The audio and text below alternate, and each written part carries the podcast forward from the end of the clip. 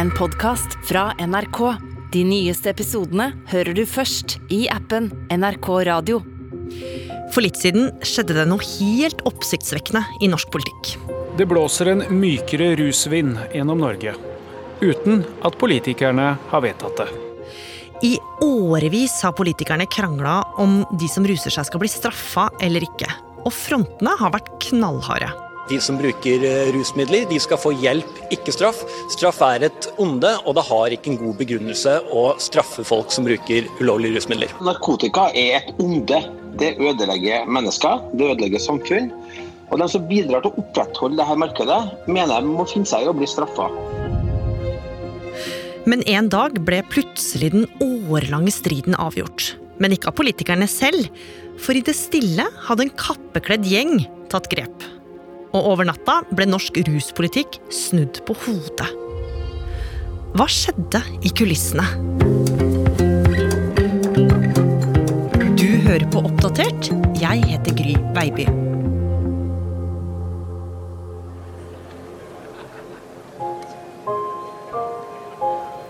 Det er en marsdag i 2017, og i en stor konferansesal litt utenfor Oslo sitter Høyre-politikere fra hele landet samla for å bestemme partiets politikk de neste fire årene.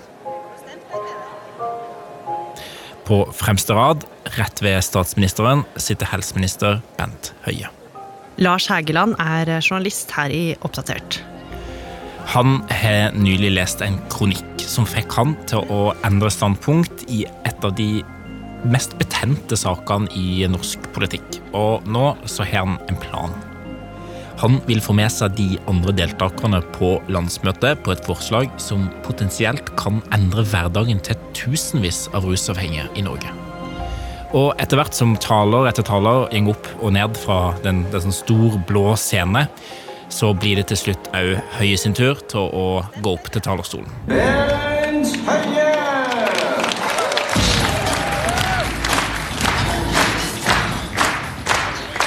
Tusen takk. eh, Og Høie han har med seg publikum i salen allerede fra starten. Som dere ser på bildet her, så er Erna og meg eh, enige om én ting. En stiller ikke opp i konkurranse uten at en møter noen i samme vektklasse. Og etter å ha snakka seg gjennom pasientkø og nye typer kreftbehandling, så er det klart for å adressere det store temaet. Et tema han vet at mange i salen vil være uenig i. Fordi det er jo meningsløst at mennesker som har et omfattende rusavhengighetsproblem, skal oppleve å få straff som hindrer de videre i livet, både i utdannelse og i arbeid. Rusavhengige må få muligheten til å mestre sitt eget liv. Rusavhengige trenger hjelp.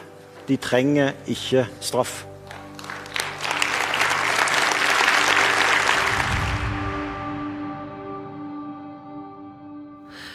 For forslaget som Høie nå vil ha gjennom, er jo på mange måter ganske betent, Lars. Ja, Høie han vil at bruk og besittelse av narkotika til det man kaller eget bruk, at det ikke lenger skal straffes. Og I stedet så ønsker han at de som blir tatt, skal få tilbud om hjelp. Og på dette tidspunktet er det jo strengt forbudt å bruke og ha narkotika på seg, og personer som blir tatt, blir veldig ofte anmeldt, og mange blir også dømt. Så for rusavhengige så vil jo Høyes forslag bety en ganske stor endring. Mm. Og ikke bare det, for forslaget vil også bety en ganske stor omlegging av Høyres politikk. Og derfor er det stor spenning når voteringa starter. Nå stenger vi voteringen om 20 sekunder. Nå er fingrene nødt til å fungere, eller så må dere ha hylt på servicekorpset. Helt fremme i denne konferansesalen så er det en sånn stor skjerm som skal vise resultatet, samtidig som eh, stemmene kommer inn da, fra de, alle de delegatene som er til stede. Et blått lys betyr at de stemmer for forslaget, og et rødt lys det betyr at de stemmer ned forslaget. Og fra fremste rad så kan Bent Høie nå se hvordan flere og flere av disse lysene blir grønne. Og det hele ender til slutt med at eh, det blir en overvekt av blå lys, og Bent Høies sitt forslag det går igjennom. Ja. Og med det blir jo på mange måter rusreformen født. Og noen måneder etter vinner Høyre valget og danner regjering med Venstre og Frp. Kort tid etterpå så får de også KrF på laget, og selv om det blir harde forhandlinger, så klarer Høie å få alle partiene til å støtte en rusreform. Og med flertall i ryggen går han i gang med å stake ut hvordan denne reformen skal se ut. Han hyrer inn eksperter, han får Helsedepartementet til å komme med innspill, og alt ser jo veldig lovende ut. Men så, en kald januardag i 2020, skjer det noe dramatisk som eh, skal sette kjepper i hjula for Høies reformplan. I flere uker har regjeringa krangla om bompenger, og når de på toppen av det hele bestemmer seg for å hente hjem en mor med to barn fra en IS-leir i Syria, så får Fremskrittspartiet nok. Jeg tok oss inn i regjering, og nå tar jeg Fremskrittspartiet ut av regjering. Og jeg gjør det fordi det er det eneste riktige å gjøre. Og med det så mister jo også Bent Høie flertallet for rusreformen. For Høie er jo dette krise. Han har jo fram til nå basert seg på at de fire partiene sammen har et flertall, men nå sier plutselig Fremskrittspartiet, som heller ikke var overbegeistra for rusreformen fra før av, at regjeringa ikke kan regne med deres støtte. Så nå begynner det jo virkelig å se ganske mørkt ut for Høies rusreform. Så han skjønner jo at han må gjøre noe, for han har jo virkelig trua på denne reformen, og nå må han tenke nytt. Han må overbevise et parti utenfor samarbeidspartiene i regjering om at de òg må støtte reformen. Ja, så han må også be om støtte fra partier på motsatt side, altså venstresida. Ja, for mens han begynner på dette arbeidet, så er det jo fortsatt mye som må på plass, for om ikke lenge så skal han jo presentere denne reformen. Og det har vært mye fram og tilbake med eksperter om hvor liberalt eller hvor strengt man skal legge seg. Men etter nesten tre år med hardt arbeid er det endelig i februar 2021 klart for Høie og resten av regjeringa til å legge frem denne reformen for hele landet. Men idet det nærmer seg den store dagen, skjer det noe som endrer alt. Den 18. februar 2021 er det et knapt døgn til Bent Høie skal legge frem reformen som de har jobba med foran Stortinget og hele det norske folk. Og klokka er nesten rukket å bli halv fem, og folk er på vei hjem fra jobb idet det tikker inn et push-varsel på telefonen til flere tusen nordmenn. I en VG-sak er alle KrF sine statsråder avbilda på en snødekt terrasse i Oslo sentrum. Og i artikkelen så sier KrF-lederen at selv om de kommer til å stemme for rusreformen, som deres egen regjering nå skal legge frem, så ber de de andre partiene i Stortinget om å stemme reformen ned. Så KrF, samarbeidspartiet, ber altså de andre partiene om å sabotere for reformen til regjeringa de selv sitter i. Dette var jo veldig spesielt, og virka kanskje for mange som et litt sånn utspekulert spill. Og det at KrF nå ber alle, også på venstresida, om å stemme nei, kan jo gjøre jobben med å sikre flertall vanskeligere.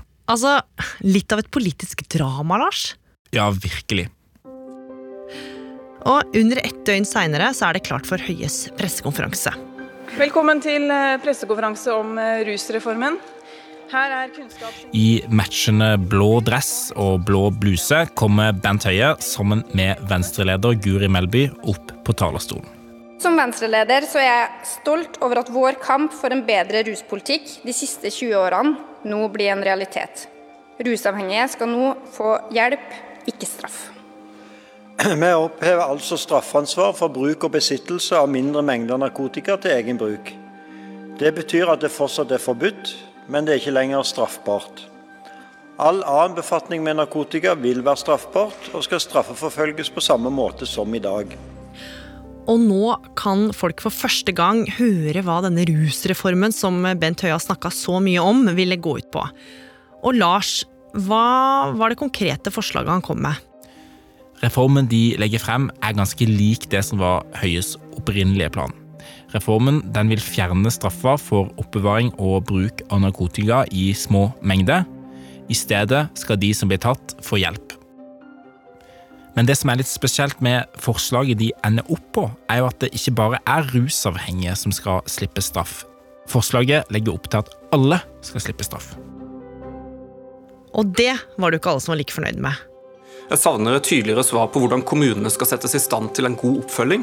Altså Hvis rusavhengige skal få hjelp framfor straff, så må vi også snakke om hva slags type hjelp, og den hjelpa er i dag i mange tilfeller ikke god nok. Forslag til ny rusreform vil føre til økt uh, forbruk, og det vil også føre til at vi vanskeligere får hjelp de som allerede har et stort problem.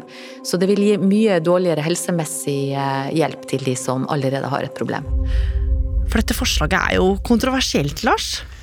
Ja, Forslaget vil jo føre til en veldig stor liberalisering av norsk ruspolitikk, og vil jo bety store endringer for hvordan Norge og hele apparatet i Norge forholder seg til rus. Men så er det jo bare ett problem, for selv om regjeringa er for reformen, så trenger de jo flertall på Stortinget. Og nå ser det mørkt ut, for hvis Høie ikke klarer å skaffe seg den støtten han trenger, så vil jo kanskje ikke denne reformen se lyset. Men så åpner det seg en helt unik sjanse, Lars, og nå er det virkelig briste eller bære. Ja, for bare noen måneder seinere, i april 2021, så holder Arbeiderpartiet sitt landsmøte. Denne gangen er det digitalt pga. korona. Og dette er på mange måter den siste sjansen Bent Høie har til å få flertall. For et av de mest betente temaene som skal diskuteres, er nettopp om partiet skal støtte regjeringas forslag til rusreform eller ikke. Og i dagene og ukene før landsmøtet blir det heftig debatt. En festbruker på 28 år trenger jo ikke helsehjelp. Han eller hun er jo ikke syk. Og jeg mener da det er viktig med straff, altså en konsekvens, for det er også motiverende for å få dem inn i et nytt løp. Det som er det viktigste virkemidlet, det er å komme i dialog med ungdommene. Og det at eh, bruken og besittelsen for de yngste er ulovlig, gjør at det kan være vanskelig å komme i dialog. Det handler om veldig mange menneskeliv som går tapt hvert eneste år. Folk som blir stigmatisert og kjeppjaget av politiet, som vi nå vil sørge for å hjelpe istedenfor. Og det må Arbeiderpartiet være med og ta ansvar for. Tilhengerne av reformen de trygler Ap om å være storsinna og stemme for reformen mens skeptikerne de advarer partiet om konsekvensene av å stemme for. De frykter nemlig at Høyes forslag vil føre til at flere unge lettere vil prøve narkotika, fordi de risikerer jo ikke å bli straffa. Og når det er klart for landsmøtet, så blir det fort tydelig at partiet er helt splitta i denne saken. Ja, spørsmålet er faktisk så vanskelig at partiet bestemmer seg for å sette ned ei egen gruppe som kan jobbe med å finne et felles forslag som alle kan enes om. Komiteen de lukker seg inne og de diskuterer intenst for å prøve å finne et kompromiss. Og etter flere timer med forhandlinger blir det klart at de, de klarer ikke å bli enige. Og dette viser jo hvor vanskelig denne saken er for partiet. Og fordi de ikke blir enige, så blir det jo nå opp til hver enkelt å stemme over hva de sjøl syns. Men først så skal partileder Jonas Gahr Støre tale til landsmøtet. Og det er jo ikke bare delegatene fra Arbeiderpartiet som er spente på hva han kommer til å si. For Høie så betyr støtte fra Støre mye, for det er jo han som kan sikre flertall for rusreformen. Ja, for folk lurer jo på hva Støre mener i saken, og mange håper jo at Støre kan si noe i denne talen som kan være med på å påvirke resultatet den ene eller andre veien. Og når det er Støre sin tur på talerstolen, sitter delegatene spente foran PC-skjermene sine for å høre hva partilederen sier. Derfor mener jeg at når narkotika er forbudt, så bør det ha en konsekvens å være i besittelse og skaffe seg det. Derfor er jeg mot en generell avkriminalisering av narkotika i samfunnet vårt. Og når forslaget skal behandles av landsmøtet, følger partiet etter Støre. Og de velger å ikke støtte Høyes rusreform. Landsmøtet vil heller jobbe for en litt mindre inngripende reform, hvor det i all hovedsak er rusavhengige som skal få hjelp istedenfor straff. Altså at vanlige folk som ikke sliter med rus, som blir tatt med narkotika, fortsatt skal straffes. Og med det så glipper jo den siste kimen av håp for Høyes rusreform. Ja, det er veldig trist at uh, ungdom som har det vanskelig, tapte på Arbeiderpartiets landsmøte i dag. Uh, de skal nå fortsatt bli møtt med straff, stigmatisering. Og det vil videreføre den terskelen det for å nå ut med hjelp. Og det er de mest sårbare ungdommene som har tapt i dag. Og når høsten 2021 kommer, så blir det også klart at Bent Høies åttende år som helseminister blir det siste. Høyresida taper valget og må gi fra seg regjeringskontorene til Arbeiderpartiet og Senterpartiet. Ja, og den nye regjeringa de følger Arbeiderpartiets linje. De lover at de vil jobbe for en egen type rusreform, men helt konkret hva den vil inneholde og hvordan det skal skje, er litt uklart. Og etter hvert som nye temaer dukker opp, dabber jo òg debatten sakte, men sikkert av. Men så, Lars, så skal det skje noe som snur opp ned på alt som handler om rusreformen. For i det stille så har en helt annen aktør kommet inn på banen, og det fører til en helomvending av de helt sjeldne. Den 8. april i år dukker det opp en helt ny dom på Høyesteretts nettside. De har behandla tre saker mot rusavhengige som tidligere er dømt for å ha oppbevart mindre mengder narkotika. Og det som er så spesielt, er at Høyesterett i den ene saken sier at her er det ikke noe grunnlag for straff. De sier at fra nå av skal ikke rusavhengige straffes for kjøp, besittelse eller oppvaring av heroin, amfetamin eller kokain opp til fem gram. Altså ganske likt som det som er beskrevet i rusreformen. Så etter årevis med heftig debatt, som også har ført til eh, intern splid i partier, gjør altså Høyesterett det politikerne ikke har klart. Og ikke nok med det, for høyesterettsdommen gjør jo også at Riksadvokaten, som bestemmer over politiet i Norge, gjør noe ganske spesielt. Ja, Riksadvokaten han sender ut en melding til alle politifolk i hele Norge som sier at rusavhengige i hovedsak ikke skal anmeldes om de tas med narkotika til eget bruk. Riksadvokaten har tatt konsekvensen av eh, nylig avsagt høyesterettsdom, som gjør at en faktisk kan ha opptil ti gram av eh, sterke narkotiske stoffer uten at det nødvendigvis skal gi straffeforfølging. Det var en utvikling som skulle ha gått igjennom Stortinget, men vi har vært altfor treige, og nå er det domstolene som har måttet ta saken i sine hender. For de rusavhengige og de antatt rusavhengige så er dette en, eh, en ganske vesentlig liberalisering. Jeg forstår at folk er bekymra for at dette kan hindre bekjempelse av narkotikakriminalitet, og det er også noe Arbeiderpartiet er veldig opptatt av. Så nå, Lars, er jo på mange måter Høies store ønske, hans store drøm, som han har jobba i årevis for, realisert? Nei, det er ikke helt det. For man har jo gått bort fra å straffe rusavhengige for å oppbevare brukerdose, men det er ikke satt noen klare rammer for hvordan et eventuelt hjelpetilbud skal fungere. Og det er jo fortsatt en viktig forskjell i det at det er rusavhengige dette skal gjelde for. I Høyes rusreform var det jo alle det skulle gjelde for. Og kritikerne mener at det òg er veldig uklart hvordan man skal klare å skille mellom hvem som er rusavhengige og hvem som ikke er det. Så debatten den vil nok rulle videre, og nå vet vi jo òg at det jobbes politisk med å finne en løsning for hvordan alle disse problemene skal løses. Hmm. Rusreformen har jo vært veldig vanskelig å ta stilling til for politikerne, og politisk kommentator her i NRK, Lars Nehru Sand, hvorfor er det sånn? Hele reformen er jo full av dilemmaer, og den gruppen man prøver å nå, er jo veldig mangfoldig. Eh, og derfor så har noen tenkt mest på unge på vei inn i en rusbruksituasjon. Eh, tenk på hva vil jeg som forelder gjøre hvis min uh, sønn blir tatt med hasj på et russetreff?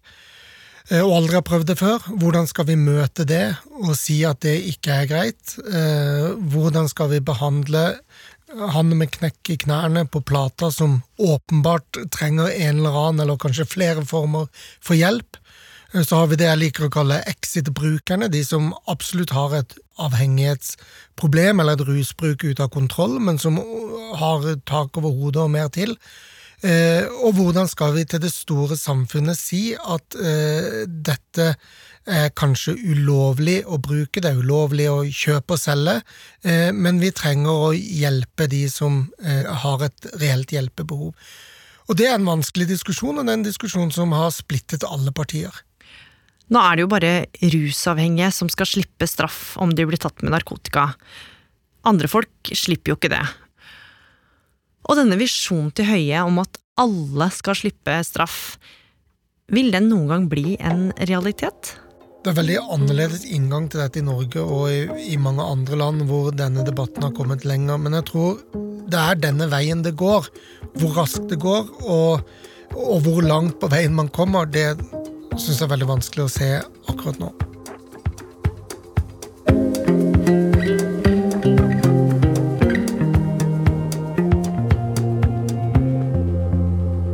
Oppdatert er en podkast fra NRK Nyheter, og denne episoden er laga av Lars Hægeland. Hanna Kolås. Andreas Berge. Og meg, Gry Veiby. Programredaktør er meg, Knut Magnus Berge. Klippene du har hørt, er fra Høyre, Arbeiderpartiet, Regjeringen, VG og NRK.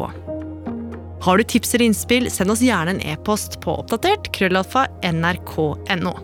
Og liker du det du hører, så tips alle vennene dine om oss. Og så smalt det noe kolossalt, da. For 80 år siden starta tungtvannsaksjonene som skulle hindre at Nazi-Tyskland fikk laga atombomber. Ich brauche 5000 kilo! Hva skjedde egentlig før, under og etter sabotasjeaksjonene på Rjukan under andre verdenskrig? 170 svære amerikanske fly de fylte jo hele luftrommet her. Tungtvannsaksjonene hører du først i appen NRK Radio.